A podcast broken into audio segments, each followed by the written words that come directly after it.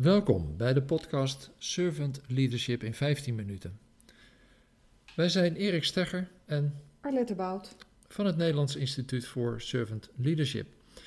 In de podcast nemen wij je mee in alledaagse situaties die je als leidinggevende, ondernemer of als professional wel kent. En dat zijn problemen waar je tegenaan loopt, of de worstelingen en je dilemma's die je tegenhouden om verder te groeien. Elke aflevering krijg je van ons tips die je meteen kunt toepassen en waardoor je meer ruimte en lucht krijgt en je groeit als leidinggevende.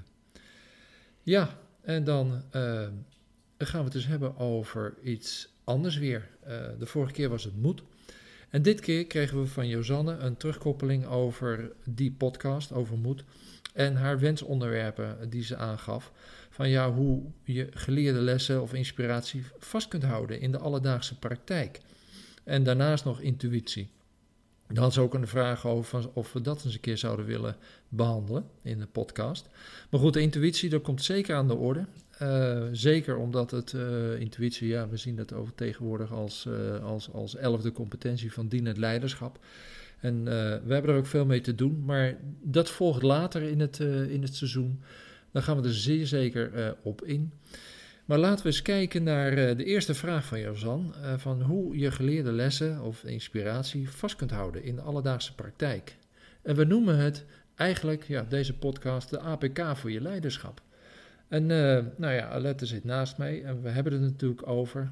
En we willen er gewoon weer een gesprek van maken, net als de vorige keer. En als het dus dan gaat over uh, geleerde lessen of de inspiratie die je krijgt tijdens onze programma's of, of, of ja, elders, bij andere opleidingen. Hoe hou je dat dus dan vast in de hectiek van alle dag? Thuis of op je werk. En het loopt natuurlijk altijd anders dan je had gedacht dat werk, op je werk of thuis. Dus uh, hoe kun je dat dan toepassen? En nou, daar hebben Alette en ik het eens over gehad. En we kijken elkaar zo eens aan. En ik stel maar gewoon de vraag aan Alette van ja, als je het hebt over APK voor je leiderschap, waar denk jij dan aan? Nou, het woord APK roept mij, bij mij meteen de associatie op aan een auto die uh, om de zoveel tijd voor onderhoud naar de garage moet. Um, En zo kun je je eigen ontwikkeling als leidinggevende of als, maar gewoon als mensen, kun je, zou je ook zo kunnen benaderen. En waar ik dan aan denk, is um, de uitdaging die je eigenlijk hebt om als je in een trainingssetting bent geweest, hè, en, en um, zeker als, als, ik houd maar even bij onszelf, als mensen bij ons zijn geweest, dan eh, geven ze ook terug dat ze ondergedompeld worden in een bepaalde rust en in, in stilte. En dat dat heel belangrijk voor hen is om te kunnen leren en de vraag aan zichzelf te kunnen stellen, zich open te kunnen stellen. En dat dat in hun werksituatie natuurlijk totaal anders is. Mm-hmm. Dus ik snap ook heel goed de vraag van ja, leuk om dat bij jullie te mogen leren. Maar mijn werksituatie is anders. Hoe, hoe ga je daar nou mee om? En ik denk dat ik het makkelijkste terug kan gaan naar hoe ik, het, hoe ik er zelf mee om ben gegaan. Uh, ik vind zelf leren en ontwikkelen heel belangrijk. En ik heb ook overal notitieboeken, dus ik schrijf ontzettend veel op tijdens een training aan inzichten, aan wat er verteld wordt. En ik maak er, maak er eigenlijk altijd iedere dag tijd voor om mijn aantekeningen nog eens na te lezen, is na te gaan van hé, hey, wat zijn de situaties die ik herken vanuit de training in de dag van vandaag. En eigenlijk gaat het voor mij over um, er minimaal een paar keer in de week bewust aandacht aan besteden. Hmm. Omdat je zo snel weer teruggezogen wordt um, in de hectiek van de dag, in de gewoonte die er in een organisatie of in een team is en ik kan me ook heel goed voorstellen dat als je zelf de enige bent uit een team of van een afdeling die dan toevallig een opleiding heeft gedaan, en dat maakt mij gewoon nu niet uit of dat nou toevallig bij ons is of bij een andere opleiding, je hebt te veel geleerd, en je bent de enige in dat team die dan toevallig die opleiding heeft gevolgd, um, dat je dan heel graag je collega's erin mee wil nemen van wat jij allemaal hebt geleerd. Maar die hebben die ervaring niet, dus dat wordt een beetje ingewikkeld. Dan ga je bijna overtuigen dat ze het anders moeten doen. Nou, dat is niet handig. Maar het is wat lastiger om ze te laten meebewegen. En dus is het zo belangrijk om dan je eigen agenda er zo op in te richten dat je er een paar keer per week bewust bij stilstaat. En een, eigenlijk, eh, als ik je helft mag onderbreken. dat, dat, jij leest graag. eh, jij kijkt ook. Ik, ik weet, ik ken jou als geen ander. Dat de boeken die jij leest. eh, dat daarnaast in het boek nog een boek extra wordt geschreven. door alle aantekeningen die je maakt. Ehm, dat is natuurlijk één ding. Maar het tweede is. ehm, het gaat misschien er ook wel over dat je in de situaties waarin je staat. als er dus even geen tijd is. dat je dus in het moment kan terughalen wat je hebt geleerd. En ik denk wel eens te merken dat dat voor een heleboel mensen, inclusief mijzelf eh, eh, ook wel, nog niet zo eenvoudig is om in het moment, als het erom spant, om dan het geleerde toe te passen. ja, dat klopt. En hoe doe jij dat dan? Ach, dat lukt mij ook niet meteen. Eh, ik zou het graag willen dat ik het meteen zou kunnen toepassen, maar het vanuit een trainingssituatie ehm, direct goed kunnen toepassen ehm, in het moment, in de situatie op het werk zelf, ehm, dat vraagt dat je er al veel mee hebt geoefend. Ja, Ook buiten ik. de trainingssetting. En dus dat je ehm, misschien wel de mensen in je omgeving van tevoren even informeert dat je met een bepaald onderdeel uit zo'n training gaat oefenen, mhm. dat je dat gaat toepassen en dat ze dus kunnen verwachten dat je iets anders gaat doen dat, dan ze van jou kennen. Dat betekent dat je dus ook misschien wel onderuit gaat en dat je miskleunen maakt. Maar je bent aan het leren. En, en, en als jij dus aan het leren bent en stel dat het je niet zo lukt en ja, zo heel af en toe dan, kijk, jij hebt het misschien ook wel een beetje makkelijk. Eh, wij, wij, wij doen hetzelfde werk, wij hebben dezelfde opleidingen, ehm, eh, wij kunnen voortdurend oefenen op elkaar en we begrijpen het ook meteen van elkaar. Maar als die ander dat dan niet, dat die niet zo ver is ehm, en jij wil leren en je maakt die miskleun. Mhm. Ehm, hoe, hoe ga jij daar dan mee om? Nou, dat vraagt ook van mij dan om in zo'n geval de ander, wat ik toch zei, mee te nemen in dat ik aan het leren ben. En dat het, als het niet lukt, dat ik daar dan ook de ruimte voor maak en de tijd voor maak om die ander mee te nemen in mijn leerverhaal. Dus ook als het misgaat, als ik die ander per ongeluk dan voor zijn of haar hoofd stoot, dat ik daar dan ook mijn excuus voor kan aanbieden en zeggen: Nou, dit was absoluut niet mijn bedoeling, dit is helemaal verkeerd uitgepakt. Mag ik daar heel even met jou over in gesprek? Hmm. Want het zegt niet zoveel over jou, maar wel over dat ik nog niet zo goed ben in dit stukje. En wil je me helpen door me dat gesprek te gunnen? Want dan kan ik weer van leren en doe ik het de volgende keer beter. Mhm. En je haalde net eventjes de APK aan. Hè? Dus als je een auto eh, eh, jaarlijks op de weg wil houden, ouder, dan drie jaar eh, bij spreken. Dus ja, dan, dan heb je een soort van, je hebt een soort van levensduur eh, waarin er dus niet hoeft te worden gekeken naar een auto. Want dan, die rijdt en die is altijd goed bevonden. En dan plotseling moet je elk jaar moet je dus eh, APK gaan doen. Ehm, hoe doe jij dat dan? Wat is dan voor jou dat jaarlijkse onderhoud? Nou, ja, eh, terwijl het eh, aan, aan het vertellen was, kwam bij mij de gedachte boven. Ik maak even een zijstapje. Ja. Ehm, dat het, het gaat niet over, oh, een aantal jaren eh, hoef je daar niet zoveel aan te doen. eh, en daarna komt het onderhoud pas. Want dat is eigenlijk helemaal niet waar. Wat je, die vergelijking, eigenlijk gaat die niet op. Want een auto rijdt niet uit zichzelf. Er is nog, ik, ik ken nog niet een ontwikkeling waarbij een auto op lucht rijdt. Hm.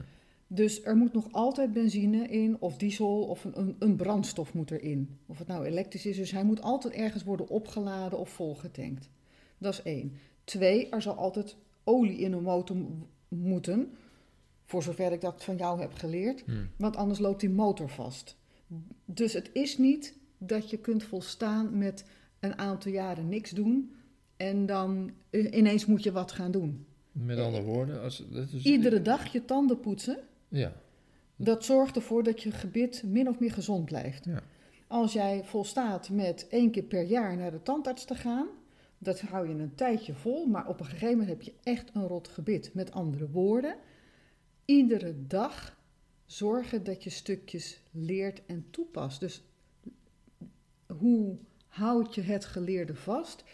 Ik weet niet of het over vasthouden gaat. Het gaat voor mij hoe integreer je datgene wat je hebt geleerd in je dagelijkse werk.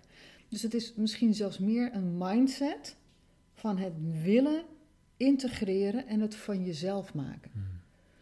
En als ik ook één ding mag noemen wat ik vandaan heb geleerd, hè, van wie wij ooit de opleiding hebben gedaan. eh, eh, Daan heeft altijd eh, tegen iedereen die die tegenkomt gezegd: je mag alles kopiëren, je mag alles nadoen.